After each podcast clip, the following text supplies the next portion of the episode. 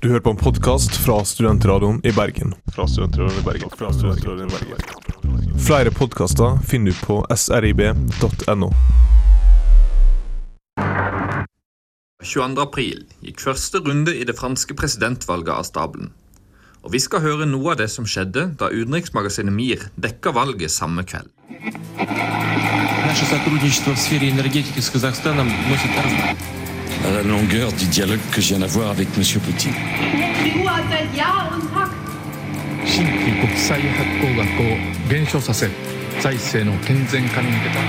símbolo del fascismo en Sudamérica.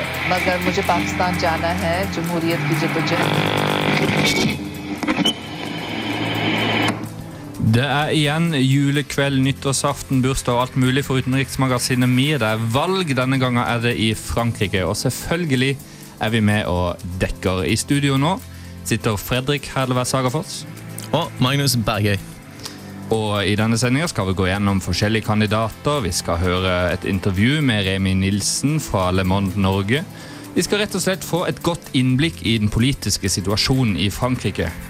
Selvfølgelig skal vi òg få med oss etter hvert hvordan eh, valgtallene er for de forskjellige kandidatene, og du vil til slutt få vite hvem som stikker av til andre runde. Så uh, monsører og mamseller over den ganske by setter godt til rette og følg med. Uh, vi skal begynne med en sang fra ukas spilleliste i, Studentrådet i Bergen. Dette er Little Marbles med Vår destruksjon.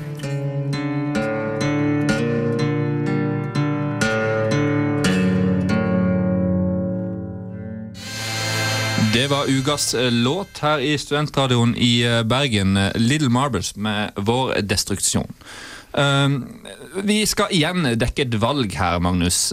Og forrige gang Forrige gang var det ble jeg minnet på her fra produsent, min kjære produsent, at vi må huske SMS-tjenesten vi har. Før jeg glemmer det igjen, så skal jeg minne på at hvis dere vil, så kan dere sende en uh, SMS-melding til uh, vårt nummer 1963. Skriver dere SRIB først, og deretter deres uh, melding, så vil dere så vil dere bli lest opp på lufta en eller annen gang i løpet av kvelden. Og ikke minst bli besvart av en synser eller hviter. Selvfølgelig vil dere få svar på ethvert spørsmål. Dere må ta ethvert spørsmål. I 1963 i Frankrike så uh, valgte president Charles de Gaulle å legge ned veto mot uh, Storbritannia sitt inntog i EU. Uh, vi husker jo alle hvordan, hvordan, den konflikten mellom Frankrike og Storbritannia var på sitt sterkeste på, på, den tida. Charles de Gaulle er ikke blant oss nå, men presidentvalget er like så viktig som det alltid har vært. Magnus, og du har jo satt deg litt inn i systemet, for det er litt annerledes enn i USA, dette her? Det er ganske annerledes enn de fleste. Det, du kjenner Russland er vel det som har det, det, det mest like valgsystemet. og Det er jo et såkalt semipresidensialistisk valg, hvor du har både en direktevalgt president, men du velger òg til en folkeforsamling med et annet valg. Og Da vil du gjerne få det at de går til valg på ulike tidspunkt med ulike kampsaker, for de vil jo ha en ulik type makt. Men du har to grupperinger innad i maktapparatet da, som, som, begge to har en reell makt. Ja, dette er spennende å høre. Men nå er det presidenten. Hvordan er makten til presidenten? altså Hva kan han gjøre? Eh, noe som veldig ofte går igjen i, i, i i styrelsessystemer som har eh, både president og makt en annen plass, så er, det som regel sikkerhetspolitikk og utenrikspolitikk da, som blir dekka av presidenten. og eh, og, men i Frankrike du, så vil han òg gli inn på innenriks, for, for er like, han er ikke likegyldig til, til, det som skjer innad i Frankrike. Men, men hovedansvaret der han har en urokkelig makt, er, ligger på utenrikspolitikk og sikkerhetspolitikk. Ja, og det er jo også han vi hører mest om i Frankrike. altså Det er jo folk som går rundt og vet hva den franske statsministeren heter, men uh, presidenten vet vi jo alle om. Uh, hvem er egentlig statsminister i, Frankrike, og hva, hva, hva, gjør han for noe? Statsministeren uh, er som regel en, en utpregende person fra, fra, de som stikker av med seieren under for, parlamentsvalget, som, som, forresten skal være senere nå i år. Og Han blir da i gåseøyne plukka ut av, eh, av den valgte presidenten, men, men han er nødt til å ha brei støtte i parlamentet. For parlamentet kan, om de er misfornøyde med den presidenten velger som statsminister, komme med et mistillitsforslag, og dermed velte eh, og eh, stille spørsmålstegn ved de valgene presidenten tar, og dermed allerede stille han i et, i et relativt dårlig lys. Ja, rett og slett eh, skape trøbbel og eh, furore for presidenten. Og Da får man jo det man kanskje det man kaller for kohabitasjon, nemlig det at eh, presidenten og statsministeren kommer fra forskjellig politisk side. Nettopp.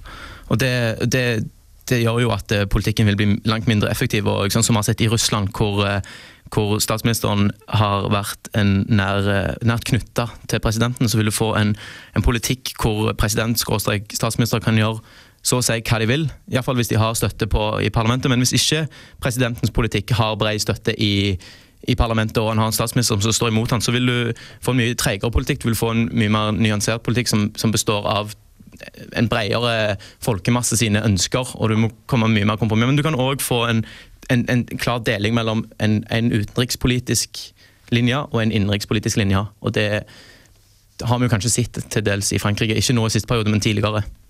Ja, det er interessant å høre om et system som er såpass annerledes enn eh, enn det amerikanske, som vi dekker, hvor presidenten er såpass allmektig og, eh, og allvitende som vi jo har sett de siste periodene. Um, men det er jo altså presidenten vi hører mest om i Frankrike, så det er derfor det, dette valget vi velger å dekke. Men uh, dette presidentvalget det er jo ikke ferdig nå. Det er ikke ferdig nå, det, det har vi glemt å nevne, men eh, det er ofte første runde det blir mest, mest hype om, da, fordi at da, da vil du få en, en, et tydelig signal. Men det kommer en runde til senere med de to presidentkandidatene som har fått størst oppslutning, med mindre én har fått en veldig klar oppslutning og går direkte, eller får en direkte seier fordi at eh, kandidat nummer to velger å trekke seg, som regel. Men eh, nå ser vi mest sannsynligvis at det blir et tett løp blant de to fremdriftskandidatene, og da vil du få en ny runde hvor i Frankrike ti kandidater. Da har du mange velgere som har stemt på andre, som vil måtte velge mellom to kandidater som ofte står veldig langt ifra hverandre. Og Du har stemmer i midten, du har stemmer på yttersidene og du har stemmer rundt de to kandidatene. og Derfor vil det være veldig vanskelig å si hva som vil skje i andre runde. Men, men ofte er det sånn at den som gjør det best i runde én, vil ende opp da, som, som presidenten. Ja, vi, har- vi har jo sett eh, på 2000-tallet to helt forskjellige dette her eh, Jeg husker valget i 2002 hvor eh, Lionel Jospin fra Sosialistpartiet var ganske stor eh, favoritt til å komme videre sammen med Jacques Chirac. Men så kom han der eh, fascisten Jean-Marie Le Pen eh, og tok over Altså, han ble valgt som nummer to. Ekstremt close race mellom, mellom Jospin og Le Pen. Og da tapte Le Pen andre runde 17% mot 83% så der var det jo rimelig soleklart. Men så har vi det forrige valget hvor, hvor Royal og, og Sarkozy eh, konkurrerte. Da var det jo Sarkozy som tok det med bare noen få prosentpoeng. Så, eh, og denne gangen så tyder kanskje ting på at det blir like så, eh, like så, inter like så interessant og spennende. Um, før før vi går inn på de forskjellige presidentkandidatene som vi skal ha senere i sendingen, så skal, høre, skal vi høre på en liten vise, en liten chanson fra Frankrike. Og det er Frankrikes store vise skal Serge Gainsbourg som står bak, sammen med Brigitte Bardot denne gang. Bonnie and Clyde heter denne.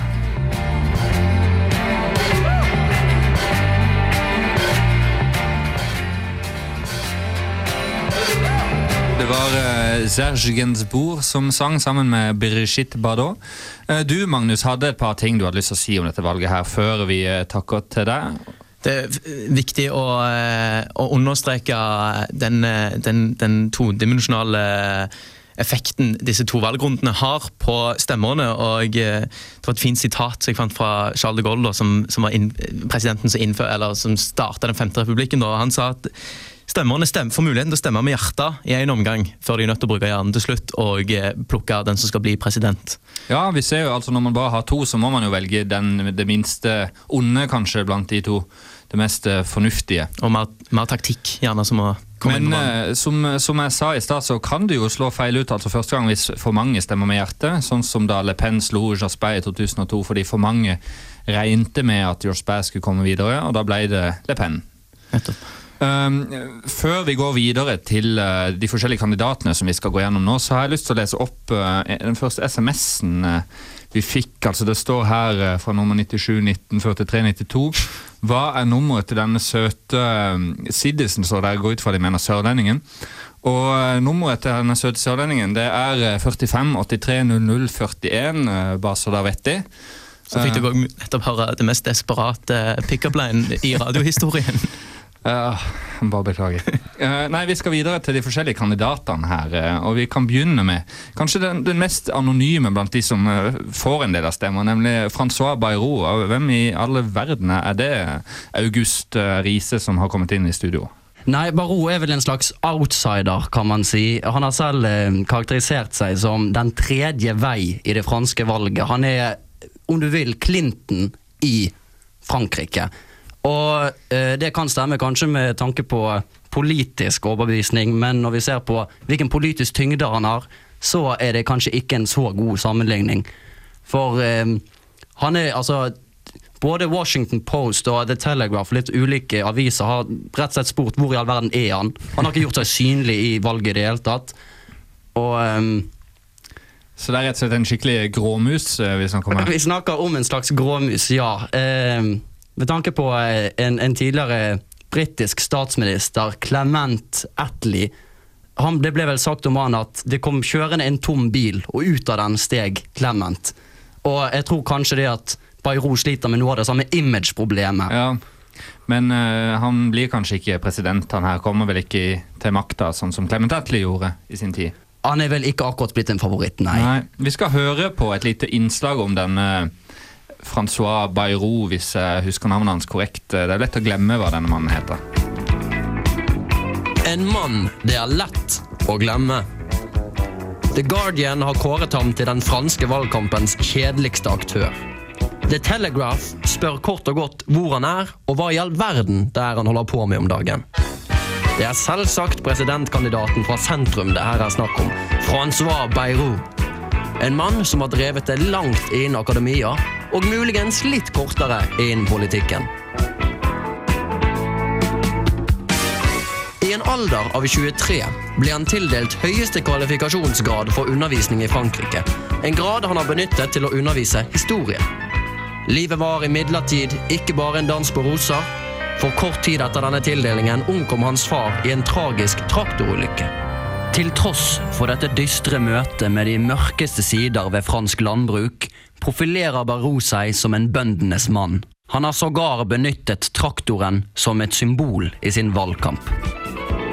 Bayrou har vært deltakende i politikken siden 1982, og ble valgt inn til nasjonalforsamlingen i 1986 for de moderate demokratene. Sitt første toppolitiske verv fikk han i 1993, da han tjente, nærmest selvsagt med tanke på hans akademiske bakgrunn, som utdanningsminister.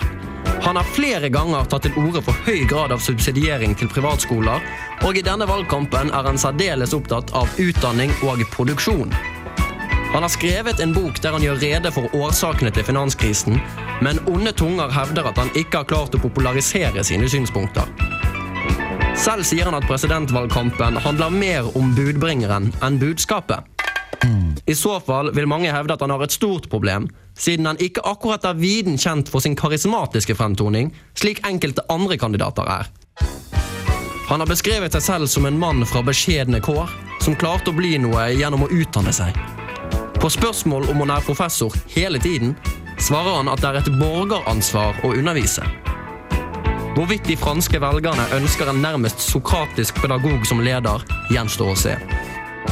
Francois Bayrou er i noen henseender en snøball i helvete. Temperaturen er skyhøy, og i et polarisert politisk klima blir moderasjonen første offer. De siste spørreundersøkelsene antyder at Bayrou har rundt 10% oppslutning. Man venter ikke et velgerskred, med andre ord. Han har faktisk lavere oppslutning nå enn de to foregående gangene han har stilt som presidentkandidat. Han tar seg likevel rikelig med albueplass. Han sier at medienes tendens til å ikke regne med ham i valgkampen bare vil føre til økt oppslutning for ham, siden folk blir så lei av de andre kandidatene. En kan nok si mye godt om denne bondesønnen som ble professor. Men noe PR-geni er han antagelig ikke. Ikke akkurat noe PR-geni, nei, sier du, men kanskje han har andre kvaliteter. Og hva er egentlig grunnen til at du har valgt eh, han her som din eh, favoritt? Nei, altså det er jo en slags suksesshistorie. Altså Dette er en mann som på et personlig plan i hvert fall har trosset ja, trosset kanskje sin bakgrunn. Han var født bondesønn, født inn i familie. Faren omkom tragisk, som vi hørte av innslaget, i en traktorulykke. Og så utdanner han seg, og så eh, blir han en slags ja, suksesshistorie. Du sier òg at, at han er for eh, sentrumsorientert i et uh, veldig polarisert klima. Er det bare sånn at du, du, du kan ikke bli president med mindre du, du er litt ekstrem i Frankrike? Det er i hvert fall et hensyn å ta det at man må gjøre seg synlig. Og vi kan jo blant annet, Du kan jo tenke på eh, Le Pen som ja, antagelig ikke synspunktene hennes så populære veldig bredt når folk setter seg inn i politikken, men antagelig er det slik at hun er såpass synlig og får såpass mye oppmerksomhet at hun er en reell kandidat. Noe Bayrou, selv om han har en del gode poenger og er en flink politiker, så er han rett og slett ikke synlig nok. Nei, du nevner eh, Le Pen, og vi skal videre til eh, denne, dette sjarmtrollet eh, Le Pen. og Vi snakker om Jeanne-Marie tidligere. Dette er jo eh, en nær slektning av den samme Jeanne-Marie eh, Leila som har kommet inn eh, i eh, studio her nå. Ja, det er faktisk datteren hans. Den yngste datteren hans som har tatt opp arven etter faren og virkelig gjort Front Nasjonal en, eh, et stuerent parti som har fått ganske stor eh, oppslutning, eh, med tanke på at de faktisk er et veldig høyreekstremt parti. Eh, noe som kanskje vi i Norge vil se litt på kanskje fascistisk, men eh, faktisk så klarer de å komme opp mot 20% tilslutning.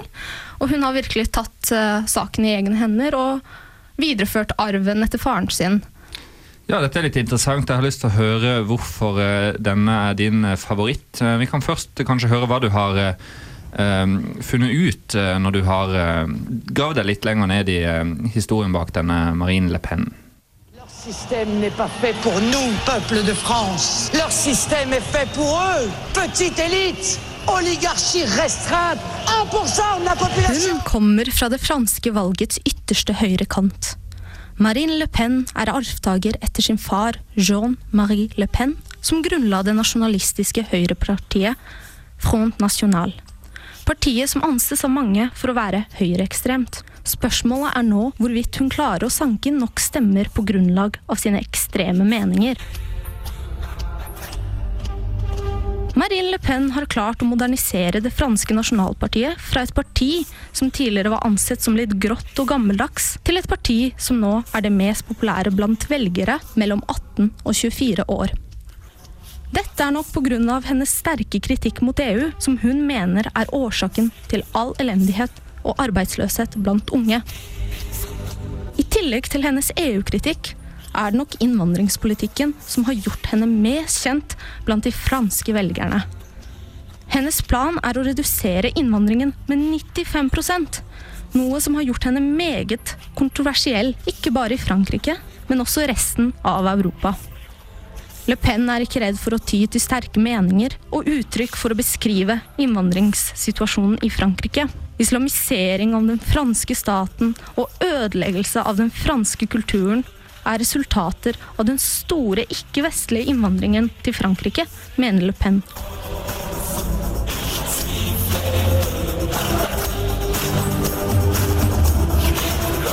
I en nylig tale til tilhengerne uttalte Le Pen følgende Bare jeg kan redde Frankrike. Jeg er den eneste kandidaten som er i stand til å forsvare franskmennene mot globaliseringens flodbølge. Men hennes angrep på EU og innvandring er trolig ikke nok for å vinne det franske valget. Hun har blitt kritisert for ikke å ha en konkret plan for hva hun vil oppnå som president, bortsett fra å minimere EUs plass i fransk politikk og stanse innvandringen. Tidligere i valgkampen virket det som om Le Pen skulle få stor oppslutning, men dette var før Sarkozy tok på seg antiinnvandringshatten sin og for alvor begynte å sanke inn hennes velgere. Nå står Marine Le Pen mer eller mindre sjanseløs til å gå videre til neste runde. Men mye kan fortsatt skje, og mange valgobservatører mener at Le Pen er den hotteste kandidaten blant de som ennå ikke har bestemt seg. J'aime la France. Oui, j'aime la France de toutes mes forces et de tout mon cœur. Klarer ekstreme Marine Le Pen å slå knockout i siste liten? Ekstreme Le Pen, sier du. og Er det hennes ekstreme holdninger som har gjort henne til en så varm favoritt hos deg, Leila? Ja, det er jo nettopp det vi pratet om. Hun er veldig fransk, veldig pasjonert av seg. Hun er en karismatisk kvinne som bruker sterk retorikk når hun skal prate om politikk og det hun vil. Så selvfølgelig hun appellerer til meg. Hun er en uh, sterk kvinnelig leder. Er godt å høre at, uh, at kjønn har såpass, såpass mye å ti, si i politikken i det, det 21. århundre. Vi skal uh, snart videre til andre andre kandidater her i valget, og kanskje eh, større favoritter enn det vi hittil har vært gjennom. Uh, før det så vil jeg minne dere alle på uh, igjen SMS-tjenesten vår, SRIB, til 1963 og deres beskjed. Så vil vi lese det opp på, på, lufta, som vi allerede har gjort med en melding. Jeg vil gjerne si takk til dere som hittil har vært med meg her i studio. August Riise, Magnus Bergøy og Leila Ferratovic. Uh, eller som de sier i Frankrike, au revoir, adieu. Sangen som kommer nå, heter uh, Valtari. Nei, Varud heter han. Det er Sigurd Ros uh, fra Island som synger. Fra ukas album som heter Valtari.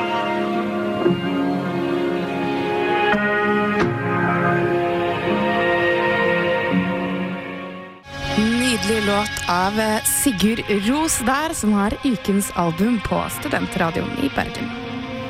Vi er i Myr. Vi har eh, fransk vakesending for øyeblikket. Og i studio så er eh, jeg, Karoline, og med meg så har jeg Det er meg, Stina.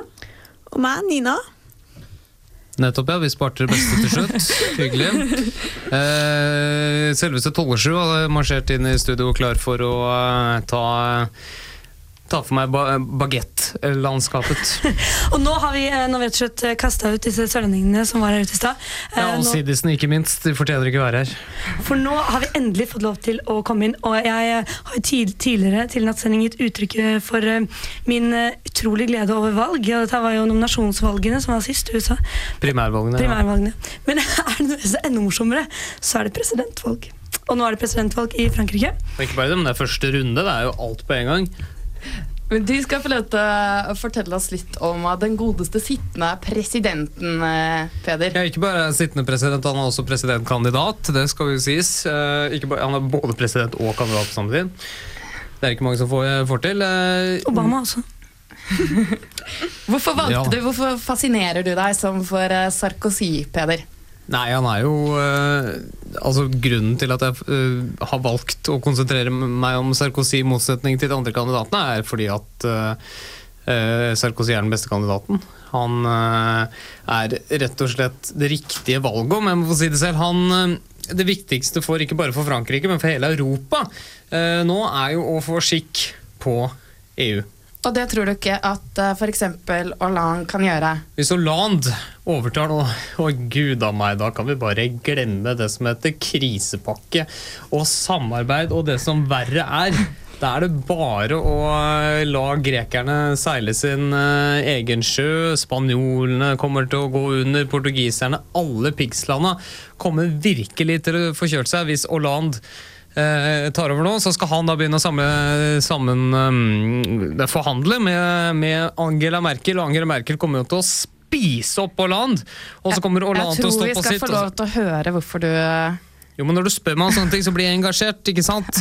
Sarkozy er viktig for, eh, ikke bare for Frankrike, men for hele fordømte Europa. Det inkluderer oss i kalde nord. Kjempeviktig at Sarkozy går blir seierherren seierherre nå med Hollande, eh, som ser ut til å vinne, så går Europa en mørk fremtid i vente. Vi skal få høre hvorfor Peder mener at Sarkozy er mannen for jobben.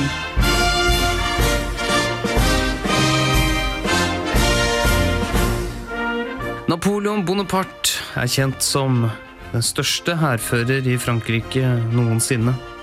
Dog ikke når det gjelder centimeter. Han erobret og satte det franske riket inn i en storhetstid. 150 år senere, nærmere bestemt i 1955, i Paris, ble det født en liten pjokk som skulle vise seg å ta over hele riket. Med ungarsk far som flyttet til Frankrike i slutten av annen verdenskrig, var ikke utsiktene altfor gode for den lille gutten. Og med kun 1 meter og 65 cm på strømpelesten var det en lang vei å gå for lille Nicolas Paul Stefan Sarkozy. Men liten som han var, skulle han en dag skue utover et folkefylt Champs-Élysées som president av sitt kjære Frankrike.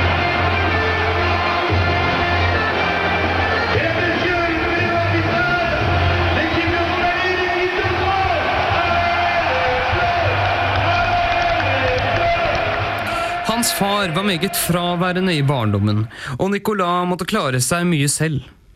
Dette kan ha gjort unggutten mye sterkere, og han kom seg inn i Université Paris Nanterre, hvor han gikk ut med en mastergrad i private law. Men kanskje mer viktig var det her han startet sitt politiske liv. Université Paris Nanterre hadde i 1968 vært hovedstedet hvor de radikale studenter skrek ut mot kapitalismens arm.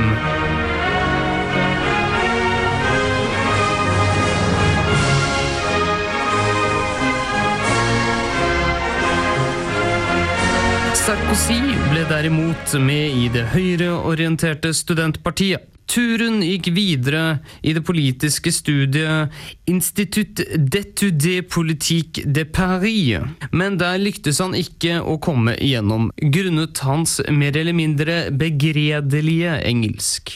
Men med en juristgrad lyktes han å tre inn i den bransjen, og Sarkozy kan skimte med å ha vært en av Silvio Berlusconis beste franske advokater. Sarkozy har også vært aktiv på den sosiale fronten og er nå inne i sitt tredje ekteskap med den ikke rent ukjente og definitivt ikke stygge å se på Carla Bruni. I'm sexy and I know it.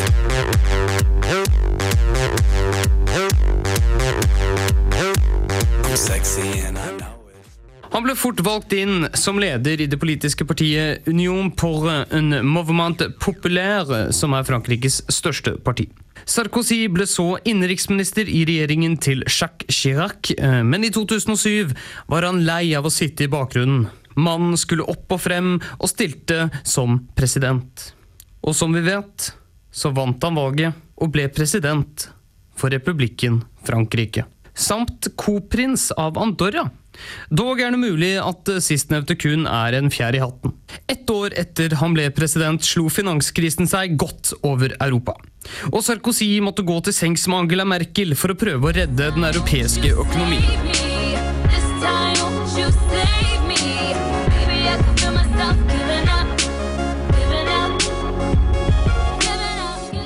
Dette er han blitt en forkjemper for, samt også for det europeiske fellesskap. Nå går det mye i å prøve å redde den franske økonomien og franske arbeidsplasser. Med 1,65 på strømpelesten og karisma som kun kan matches av en viss amerikansk president, kan vi lure på om det er godeste Napoleon Bonaparte som er blitt gjenfødt i en halvt ungarsk jurist, nemlig Nicolas Sarkozy. La oss håpe han dog ikke ender opp med å sulte på en øde øy, men at hans triumfer varer lenger enn som så. Vive la France, allez Sarko, le président 2012. J'ai besoin de vous. La victoire est en vous. La victoire sera belle parce que ça sera la Peder Tollersrud der, som ga deg et nærmere innblikk i eh, sittende president Sarkozy. Peder, hva er det, Du har jo et voldsomt engasjement eh, for eh, Sarkozy her, men jeg må jo si at eh, jeg syns ikke han virker li, kanskje like Han kan jo fremstå litt lett usmakelig til tider. Ja, det er ifølge deg, det. Altså, det Usmakelig, ja vel. Um, jeg, sier, um, jeg sier at han har ambisjoner. Han skal selvfølgelig få inn politikken sin. Altså, hva er vitsen med en president som sier uh, Ja, du vil ha det sånn, og jeg vil ha det sånn. Ja, vi får vel gjøre det på din måte, da. Det går fint, det. Han står jo selvfølgelig på sitt. Han vil ha sin politikk frem. Han vil ha sin, sitt partis politikk skal lede Frankrike. Lede Europa, for det er jo den sikre sak at det er Tyskland og Frankrike som har mest å si i Europa. Så valget i Frankrike har en drøss å si for Europa. Og Sarkozy ja, altså, Han har vært veldig uheldig med å eh, komme midt i finanskrisen, men har klart seg eksepsjonelt bra under forholdene. Nå, Som dere hører, så er det stort engasjement rundt eh, presidentkandidatene i Frankrike i dag. Eh, og det er det også blant eh, våre lyttere. Dere kan sende oss SMS med kodeord SRIB til 1963. Og Karoline, vi har fått inn noen spørsmål, har vi ikke det? Det har vi, Stina. Skal vi se om eh, vi klarer å finne dem her. Eh, vi fikk et lite spørsmål til en eh, klok, ørevennlig og morsom Oslo-gutt. Eh, og spørsmålet da er hvilket stjernetegn er Sarkozy født i? Vannmann, selvfølgelig. Det er, det er aldri smarteste Ikke at jeg er vannmann, men nå er jeg ikke presidentkandidat heller. Et annet spørsmål som jeg ikke vet om du har svaret på, er kona til Sarkozy. Altså- Hvor gammel er hun? Ja, altså Nå er jeg først og fremst meget eh, skuffet over, uh, over programleders eh, lytterevner. For hadde du fulgt med på mitt innslag, så hadde du hørt at uh, Carla Bruni, som den vakre damen heter, hun er vel 40, så vidt jeg vet. Uh, mulig pluss-minus der, men hun er fortsatt i ungdomsalder i forhold til Sarkozy, som begynner å vippe 60, i alle fall. Han ble født i 55, ja, snart 60. Stemmer. Vi skal vel eh, bevege oss eh, over mot eh, den fjerde av de store, store presidentkandidatene. Eh, og Nina, du har bodd i Frankrike, studert fransk politikk, og denne gangen så har du satt deg inn i godeste Hollande. Det har jeg, vet du. Uh, jeg må si at jeg er ganske enig i Peder i den sida om at Sarkozy han er ganske klar på sin politikk.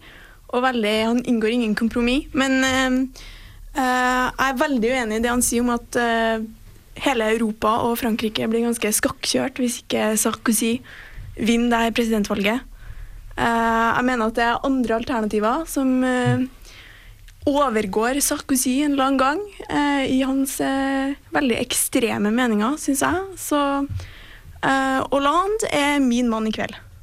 Og vi skal få høre nettopp eh, hva som gjør at eh, han er din mann, Nina. Que la France a fait sa révolution et aboli les privilèges de la nuit du 4 août 1789. Det har blitt sagt at han minner mer om et pizzabud enn den neste presidenten av Frankrike. Hans anonymitet og mangel på karisma blir påpekt i det uendelige. Veien fram for han som i dag ser ut til å være den sterkeste kandidaten i kampen om Palais de l'Élysée, har ikke vært enkel. For kun tre år siden så var det få som levna noe som helst oppmerksomhet til den tidligere lederen av Parti Socialist. Men med hjelp av den forhenværende storfavoritten Dominique Strauss-Kahn og hans snuskete affærer i New York, så skulle her endre seg. France, du travail, du mérite, de.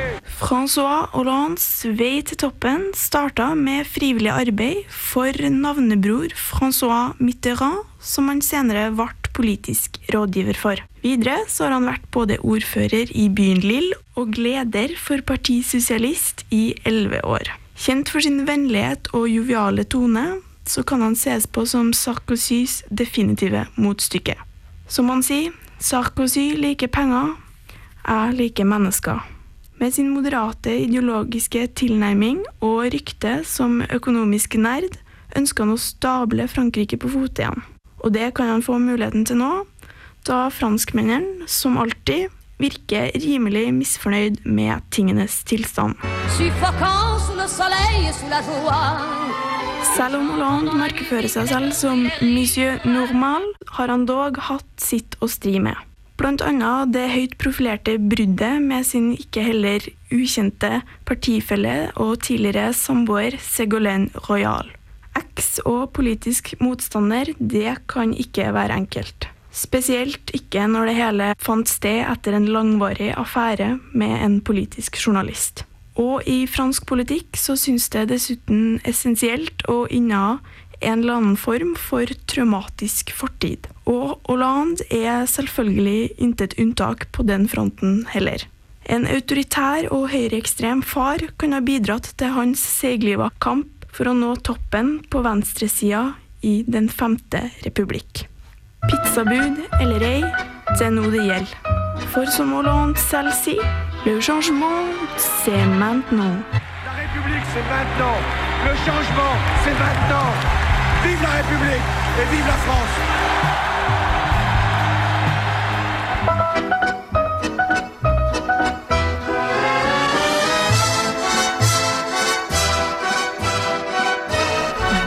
Hørte vi Ninas eh, lille profil på godeste Hollande, som er spådd å vinne seieren i dette valget. Noen eh, som i hvert fall eh, tror vil eh, eh, ha sex med en eh, presidentkandidat, det er svensk-fransk damen som har laget en låt tilegnet eh, en av kandidatene som vi ikke snakket om. Eh, på venstresiden så er det Jean-Luc som eh, får denne shout-outen.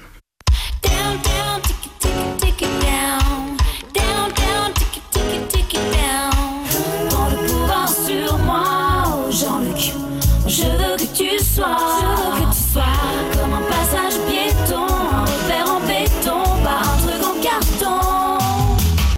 Der er vi tilbake igjen eh, i studio. Eh, Stina, nå, hvem er det vi skal snakke med? Ja, først må jeg beklage eh, litt eh, tekniske, tekniske problemer her. Det er ikke alt som, som jobber med oss, men noen som jobber med oss. Eh, Det er godeste redaktøren i Le Monde Norge, som vi skal prøve å få tak i på telefon for å få han til å kommentere litt på resultatene av presidentvalget i dag. Hei, Remi Nilsen, er du med oss? Jeg er med. Takk for at du stiller opp på valgvakesending med oss i utenriksmagasinet MIR. Vi lurer litt på hvordan er det det ser ut som resultatene kommer til å bli nå i første runde? Ja, altså, Du har jo en veldig stor overraskelse med Marine Le Pen, som vel er i underkant av 20 som, er- som er de siste tallene, som er jo ganske overraskende. Eh, og det andre overraskelsen er jo at Melanchon, som lå an til en 15 er en i underkant av 11% på de siste valgdagsmålingene. Ytterste høyrefløy de har jo de har overraska før, når eh, faren eh, Le Pen senior eh, kom videre på bekostning av venstresiden sist. Eh, hvorfor er det overraskende nå da at de har fått et godt valgresultat igjen? Både fordi at eh, hun, altså Marine Le Pen fikk jo faktisk høyere oppslutning nå enn faren fikk i 2002, når han kom videre. Så det har vært en litt eh, Ja, altså det, den, hun lå såpass dårlig i meningsmålingene. sånn at eh, jeg syns generelt det er en veldig stor overraskelse at det kom så opp. Det andre er jo at hun har endra retorikken delvis òg. Så det, Ja. Det er en det er en overraskelse. Kan du fortelle litt om hva slags forskjellige velgertyper kandidatene appellerer til?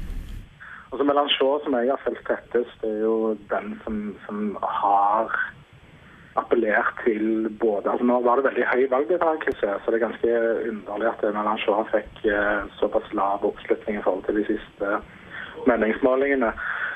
Sånn, men han har jo eh, appellert ganske mye til de som altså de forstedene, de eh, mer arbeiderklassevelgerne som, eh, som ikke har som har avstått fra å stemme i tidligere valg en del.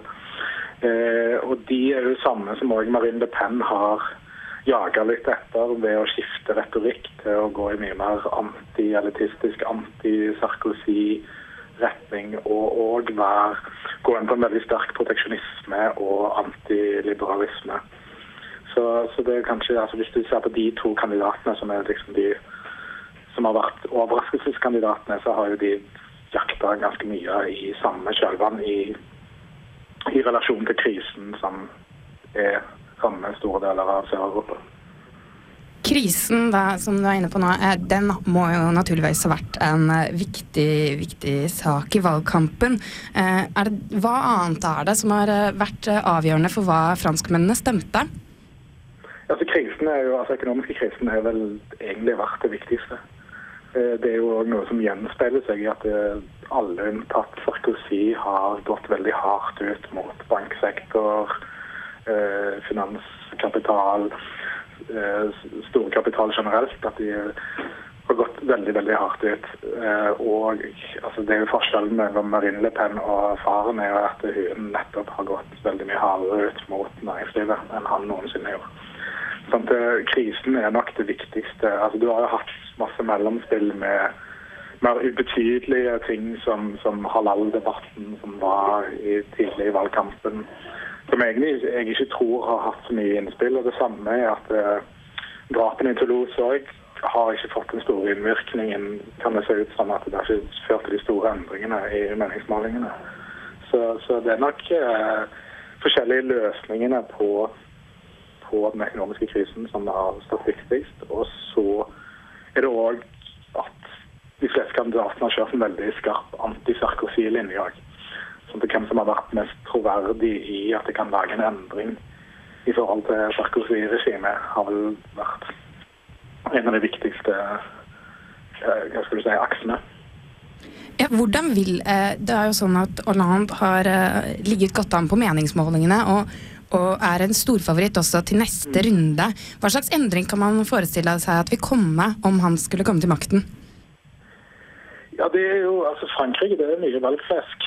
Det er veldig mye valgflesk i fransk eh, valgkamp. Så om han tør å ta de skrittene som han lovt, det, det er jeg litt tvilsom til. Altså innføre en toppskatt på 75 f.eks. Eller reforhandle en del av EU-traktaten og sånne ting.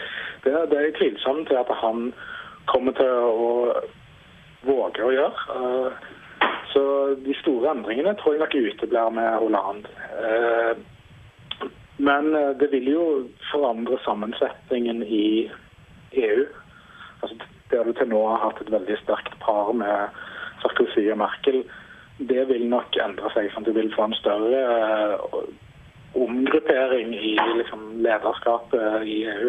Eh, Men det er vanskelig å se i hvilken retning det går. og Det er jo valg i Tyskland òg snart, så ting kan jo endre seg. Ok, jeg tror det var eh, alt vi rakk eh, i kveld. Tusen, tusen takk for at eh, du var med oss, Remi Nilsen i, som er redaktør i Le Pen Norge.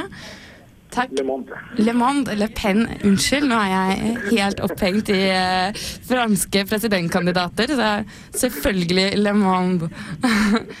ok, ha en fin kveld videre. Bare hyggelig. Hei.